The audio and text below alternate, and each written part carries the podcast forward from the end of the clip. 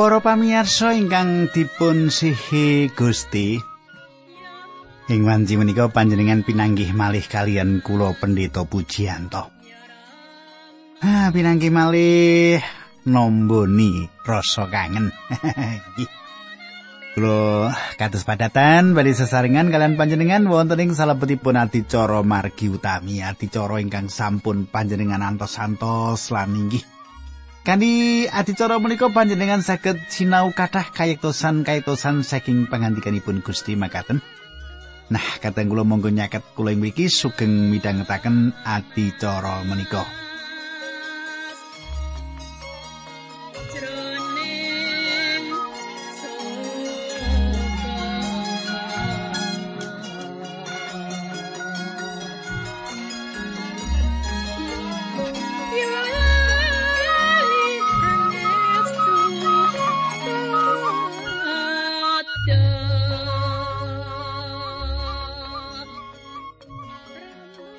Para pamiyasa, menapa panjenengan tasih kemutan ingkang kula aturaken nalika pepanggihan kepengker?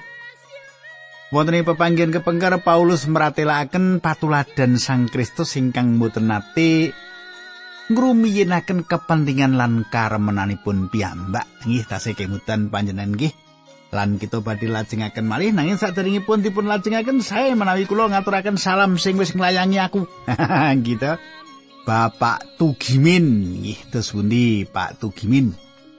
Saya toh Pak Tugimin. Mugi-mugi panjenengan sesarengan kalian kula ing wanci menika Pak Tugimin.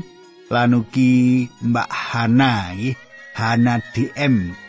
Kayane aku kenal karo Mbak Hana iki nggih. Wonge ayu, halus nggih. Nah, monggo kita tumungkul kita tetunggu sesarengan. Duh Kanjeng Rama ingkang ada dampar wonten kraton ing kasuwargan kawula ngaturaken gunging panuwun. Menawi wekdal menika kawula saged tetunggilan kalian sedherek kawula ingkang setya tuhu midhangetaken adicara menika. Kawula nyuwun berkat paduka Gusti. Matur nuwun sanget linambaran asmanipun Gusti kawula Yesus Kristus. Kawula ndedonga. Haleluya. Amin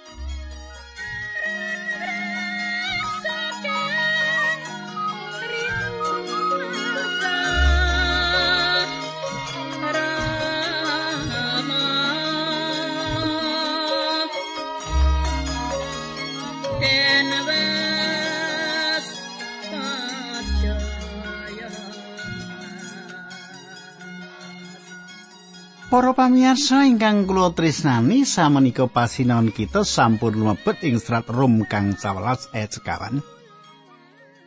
Samenika Paulus nyubi nggayutaken kekayutan kasunyatan pilih bangsa Yahudi lan sanes Yahudi wonten ing salebetipun satunggal badan kangge ngluhuraken Gusti Allah. Nah, kula waosaken ayat sekawan Rom kang 11. Awit samubarang sing katulis ana ing kitab suci kuwi minangka piwulang tumrap kita supaya kita duwe pangarep-arep mung marang Gusti Allah srana kesabaran lan pangatak-atak sing kawulanga dening kitab suci mau. Para pamirsa, perjanjian lami gadah trap-trapan gumathok kangge tiang-tiang pitados jaman samenika. Ing mriki Paulus ngendika bilih menika dipun serat supados kuwi minangka piwulang tumrap kita. Manut kula, dosa ingkang ageng piyambak ing salebetipun gereja Gusti Yesus Kristus ing salebetipun tiang-tiang ing jaman menika, nggih, gereja lan tiang-tiang jaman menika inggih menika anggenipun boten mangertos pangandikanipun Gusti Allah. Asring kula mireng satunggal pengurus gereja ingkang sancang, wah kurang ngerti akeh bab kitab suci nanging nggih. Salajengipun Paulus nyukani pemikiran ingkang sejatosipun kala-kala lawanan kalian pangandikanipun Gusti Allah king menapa tiyang menika mboten mangertos kathah kitab suci. Para pamirsa, Perkawis perkawis menika dipun serat saderengipun menapa ingkang dipun serat menika kangge wucalan kita. Gusti Allah ngersakaken supados panjenengan mangertos pangandikanipun Allah. Minangka pengurus gereja, menapa panjenengan mangertos babagan pangandikanipun Gusti Allah? Langkung sae panjenengan wiwit sinau lan naliti menapa ingkang Gusti Allah ngendikaaken dumateng panjenengan wonten ing salebetipun pangandikanipun. Menawi panjenengan boten mangertos pangandikanipun Gusti Allah kalebet dosa ingkang ageng piyambak ing jaman samenika. Sae ing salebetipun gereja utawi wonten ing sakjawinipun gereja. Paulus meratelaken bilih perkawis menika dipun serat supados panjenengan sinau. Menapa ingkang saged dipun paringaken dening kawicaksanan kitab suci dumateng panjenengan. Supados kita teguh cepengan ing pengajeng-ajeng dening kesabaran lan panglipuran saking kitab suci. Pangandikanipun Gusti Allah nanem pengajeng-ajeng kesabaran lan panglipuran. Panjenengan boten badhe manggihaken pengajeng-ajeng menapa kemawon saking serat kabar utawi buku-buku modern. Panjenengan taliti sedaya perangan lan panjenengan tingali menapa panjenengan saged manggihaken pengajeng-ajeng. Boten badhe wonten pengajeng-ajeng ing pundi kemawon ing jagat menika. Jagat jaman samenika ketinggal peteng lan surem. Satunggal tunggalipun papan ing pundi panjenengan saged manggihaken pengajeng-ajeng ingkang sejatos. Inggih menika wonten ing salebetipun pangandikanipun Allah.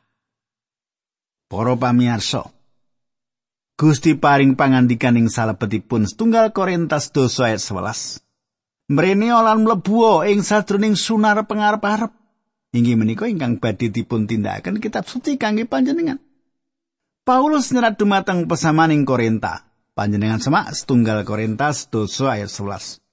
Anane lelakon kabeh mau supaya dadi tulodo kanggo wong-wong liya lan kabeh mau katulis minangka pepeling tumrap kita sing padha urip ing jaman pungkasan.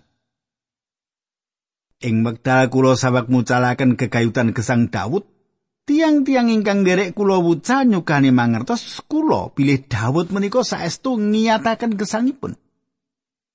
Wonten tiang ingkang sanjang bilih Daud menika sampun ngelangkungi satunggalipun mangsa ingkang saestu penting ing gesangipun lan sinau gegayutan gesangipun Daud.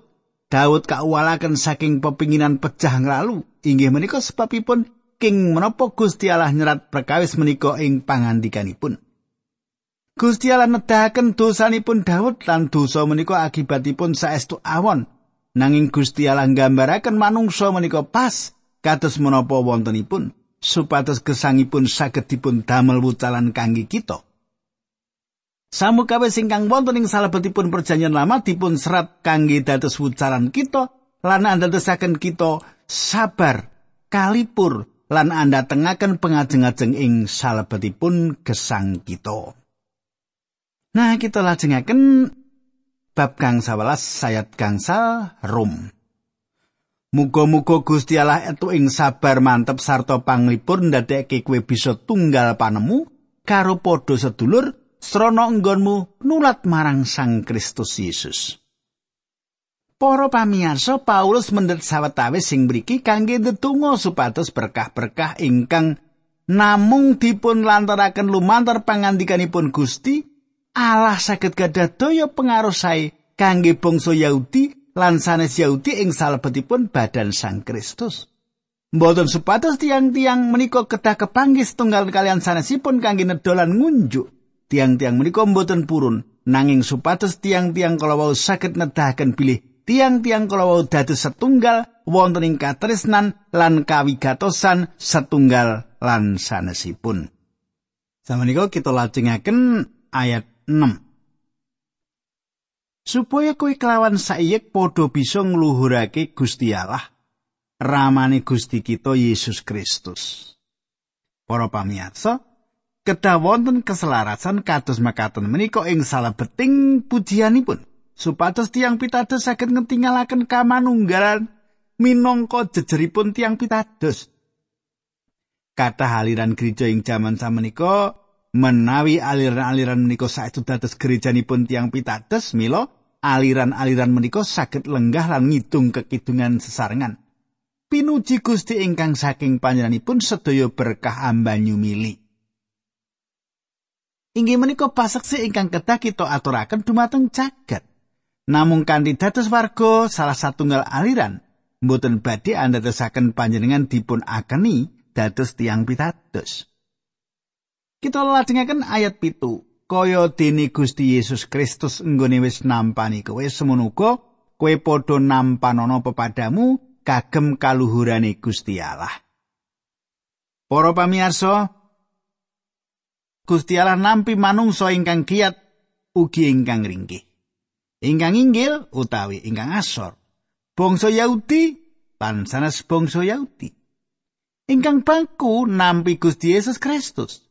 Dados saya ingkang kiat lan ingkang ringkih nampi satunggalan sanesipun ing salebeting patungilan. Kaluhuran Gusti Allah inggih menika dados tujuan ingkang luhur piyambak. Ing wekdal kita sarujuk kegayutan doktrin-doktrin utami babagan iman, pramila sinaosa kita saged benten ing perkawis-perkawis salit upaminipun aliran gereja, kita kedah tetep saged nampi satunggalan sanesipun kados Sang Kristus ugi nampi kita kangge kaluhuranipun Gusti Allah. Sinaosa kula mboten cocok kalian sawetawis derek gegayutan kalian wucalanipun. Nanging boten wonten alasan kula medhot patunggilan kalian sederek-sederek menika.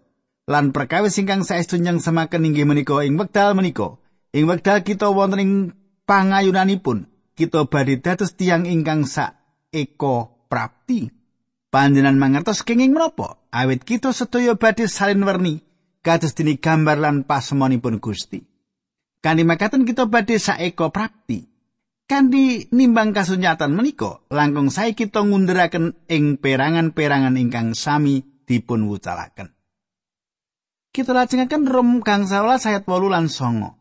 Awit kaya sing wis ndak kandhake yen Sang Kristus wis ngasorake sarirane dadi budak tumrap wong Yahudi supaya ngerti ngano kasetyan Gusti Allah uga supaya perjanji-perjanjine Gusti Allah karo para luhur kelakon temenan.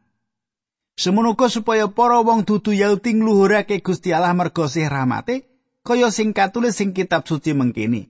Mila kawula badhe ngluhuraken paduka wonten ing satengahing para bangsa saha memuji asma paduka kanthi ngidungaken pepujian. Para pamirsa, ing wekdal Gusti Yesus Kristus rawuh ing jagat menika, panjenenganipun rawuh minangka pelados tiang ingkang tetak. Inggih menika satunggal-tunggalipun ayat ingkang meratilaken kegayutan perkawis menika. Peladosanipun Gusti Yesus namung winates sing bangsa Israel kemawon. Panjenenganipun piyambak kanthi jujur ngendika. Pangandikane Gusti Yesus aku diutus marani wong-wong Israel sing padha ketriwal. Ing Matius kang 11 ayat 24. Gusti Yesus ugi paring dawuh dumateng para muridipun Matius 12 ayat 6 nanging padha maranana wong Israel sing padha mursa. Sang Kristus sampun rawuh 1900 taun kepengker. Panjenenganipun rawuh kanthi kewajiban nyetakaken janji-janji ingkang dipun damel kangge Abraham, Iskak lan Yakub. Gusti Allah ngendika bilih saking turunipun ingkang badhe rawuh badhe dados berkah kangge jagat. Para pamirsa, Sang Kristus rawuh supados dados berkah sae kangge bangsa Yahudi ugi kangge bangsa sanes Yahudi. Lukas kalih ayat selikur. Sawise umur wolung dino sang bayi nuli ditetaki lan ditetepake asmane Yesus. Ya kuwi jeneng sing dingendikake malaikat marang Maryam sadurunge ngandhek sang bayi mau. Para pamirsa panjenenganipun boten badhe dados Yesus menawi panjenenganipun boten dipun lairaken ing salebetipun sarasilah Abraham Daud lan menawi panjenenganipun boten bangun turut dumateng angger-anggeripun Taurat. Menika boten dipun nameni Yesus. Tiang-tiang sami mestani Yesus sasampunipun panjenenganipun dipun tetaki.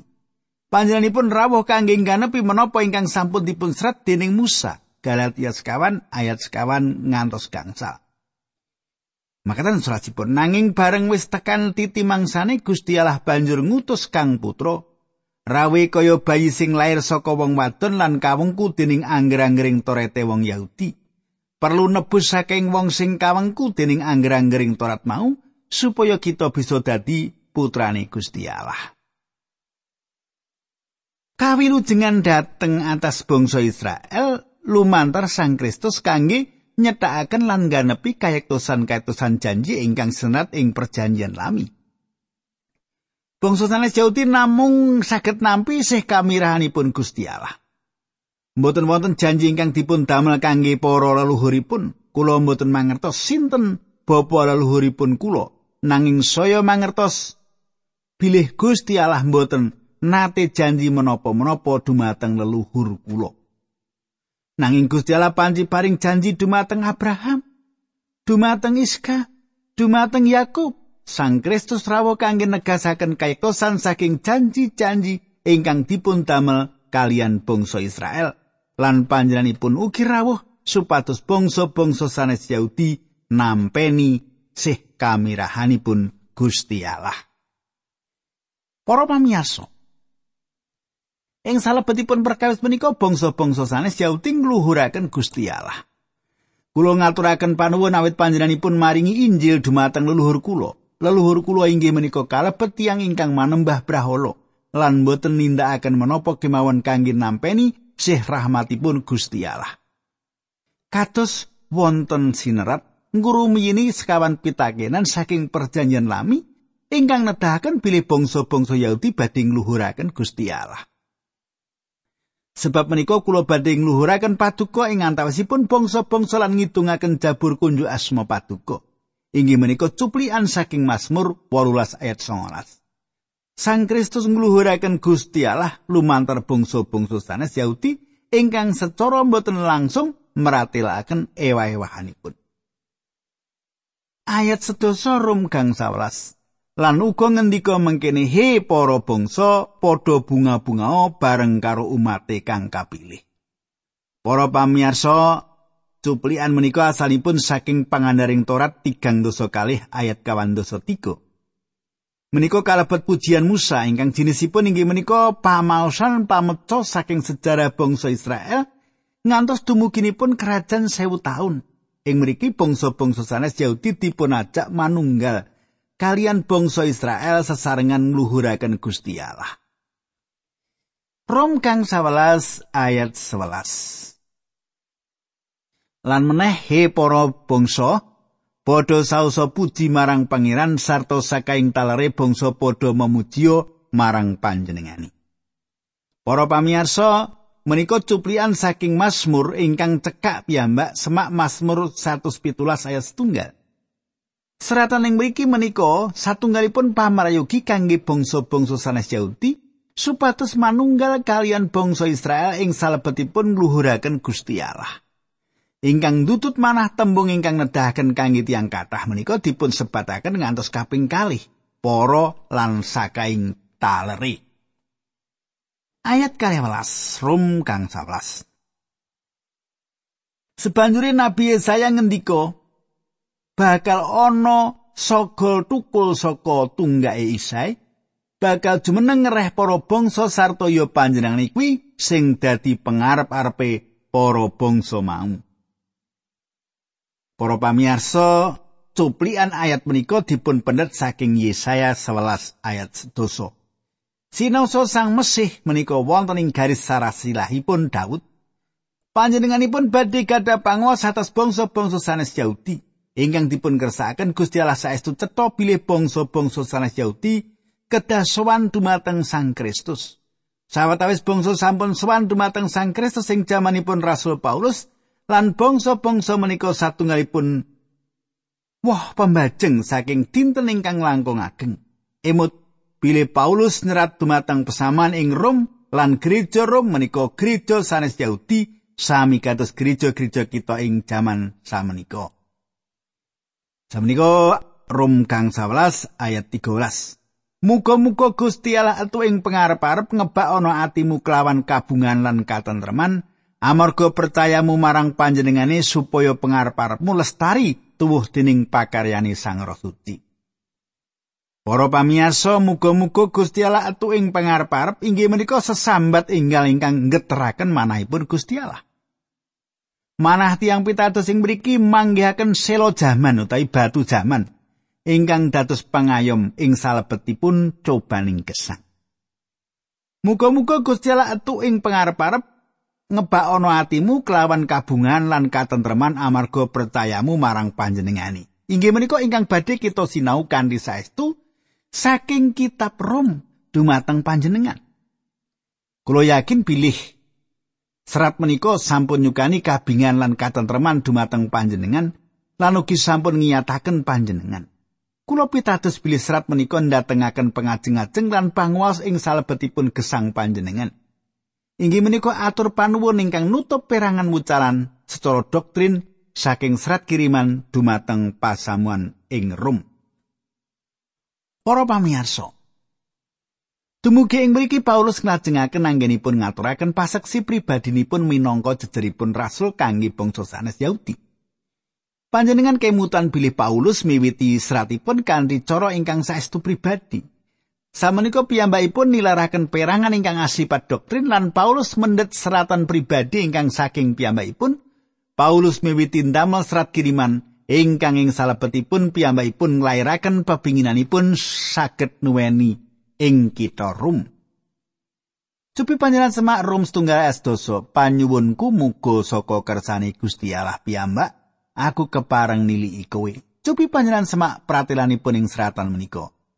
Bab kang sawelas sayat kawanelas poros dulur, Aku yakin yen kowe sugih kabecikan sarta mumpuni ing sadingah kawruh, mula bisa mulang sak pepadamu. Para pamirsa, manut kula inggih menika salah setunggal perangan ingkang sanget dening ngremenaken. Paulus sing seratan menika nyuwun pangapunten ingkang alus atas anggenipun blak-blakan lan kekendelanipun ing salebetipun mratelakaken babagan wucalan doktrin dumateng pesaman ing Rom. Ngaten menika mboten awit saking anggenipun pasaman Rom kirang anggenipun gadah patrap sae lan kawicaksanan. Nanging awit tiang Rom imanipun cekap saged nampi wucalanipun Paulus pramila Paulus sanggenipun meratelaken kanthi teges. Rak ngidapi-dapi to? Paulus ngintun serat dumateng pesamuan ing Rom supados Paulus saged rerembagan dumateng kita kegayutan kalian perkawis-perkawis urusan-urusan penting menika. Mangertosi serat kiriman dumateng pesamuan ing Rom menika satunggalipun perangan ingkang saestu penting sanget ing salebetipun indak-indakanipun kekristenan panjenengan. Sedaya tiyang pitados kedam budidaya mangertos kitab Rom awit kitab punika badhe dados landesan tumrapipun tiyang pitados ing salebetipun iman. Paulus dados sangat lembah manah lan saya sangat kegayutan kalian bab-bab ingkang dipun penetaken ing salebetipun serat kiriman menika. Paulus mboten nganggep enteng warisanipun Gusti Allah. Kita lajengaken Rum kang 11 ayat kang 11 ngantos 16. Ewa semono ing layang iki aku kumawani ngandhakake perkara sawetara kelawan kendel arupa pepiling sing wis dikabarake marang kowe. Nggonku wani nulis kelawan kendel kuwi merga saka ganjaran sing kaparingake dening Gusti Allah marang aku. Yaiku menawa aku kepareng dadi peladus Sang Kristus Yesus kanggo bangsa-bangsa saliyane bangsa Yahudi ing bab ngabarake Injil Gusti Allah. Supaya bangsa-bangsa mau bisa katampi ing Gusti Allah minangka pisungsung kang dadi kepareng kang kasucikake dening Roh Suci. Para pamirsa, ing wekdal Paulus meratelaken sampun tinulis. Ingkang dipun kajengaken inggih menika serat kintunan dumateng pasamaning roh. Paulus nyatakan kasunyatan kegayutan kados pundi kanthi kendel ngemetaken pesaman Rom bilih Piyambakipun menika dados jejeripun rasul kangge tiang sanes Yahudi. Atas kalenggan ingkang dipun tetepaken Gusti Allah menika kalenggan menika alandesan sih rahmatipun Gusti Allah. Lan inggih awit kalengganipun menika Paulus nyerat serat ingkang katujuaken dumateng pesamaning Rom. Paulus ngladosi pesamaning Rom, pratelo menika nyetaken bilih anggenipun Paulus nyerat serat menika dipun tuntun dening Gusti. Paulus ngginakaken basa pedalaman Allah inggih menika nggambaraken batanipun minangka pelatos kados dene tiang Lewi nanging menawi piyambakipun minangka ceceripun pelatos ingkang martosaken Injil. Bangsa-bangsa sanes dipun tampi uwal saking angger-anggeripun Torat utawi agami menapa kemawon lumantar Gusti Yesus Kristus kados ingkang dipun wucalaken dening Paulus. Ora pamiyasa, panjenengan katosaken tembung disucikake. Roh Suci manunggal ing salebetipun tiang pitados Janes Yahudi ingkang dipun wiwiti dening Cornelius. Pakaryan panyucen Sang Roh Suci dipun wiwiti saking bangsa Yahudi lan sanes Yahudi ing jaman gumantinipun golongan sepuh marang ingkang nem ing wekdal Sang Roh Suci Allah milih manunggaling salebetipun tiang pitados. Paulus martosaken kabar kabingan lan Gusti Allah maringaken Sang Roh Suci ing wekdal tiang tiang menika pitados kedah tetep dipun emut bilih Paulus inggih menika rasul sanes Yahudi ing salebetipun pangertosan ingkang saestu mirunggan. Minangka ceceripun Imam Agung, Paulus misungsungaken bangsa sanes Yahudi dumateng Gusti Allah. Inggih angel kanginipun kita jaman samenika kangge ngukur sawetahipun saking sedayanipun menika. Lan kita minangka tiang sanes Yahudi sampun lobet ing salebetipun sadayanipun ingkang secara mboten langsung ing mriki. Para pamirsa, menawi panjenengan dereng nate ngaturaken panuwun dumateng Gusti Allah atas Rasul Paulus, panjenengan kedah ngaturaken panuwun samenika ugi. Gusti Allah maringaken Paulus menika dumateng kita awit saking menika kita kedah maos serat kirimanipun dumateng pasaman rum menika. Nah, para pamirsa, monggo kita tumungkul, kita ndedonga. Duh Kanjeng Rama ing swarga kawula ngaturaken gunging panuwun menawi wekdal menika kawula saged tetunggilan kalian sedherek-sedherek kawula ingkang setya tuhu midhangetaken adicara menika. Kawula sampun ngedum berkah Gusti berkahi sedherek kawula menika supados tetep kiat anggenipun dados murid paduka. Dinambaran asmanipun Gusti Yesus Kristus kawula netunggal haleluya amin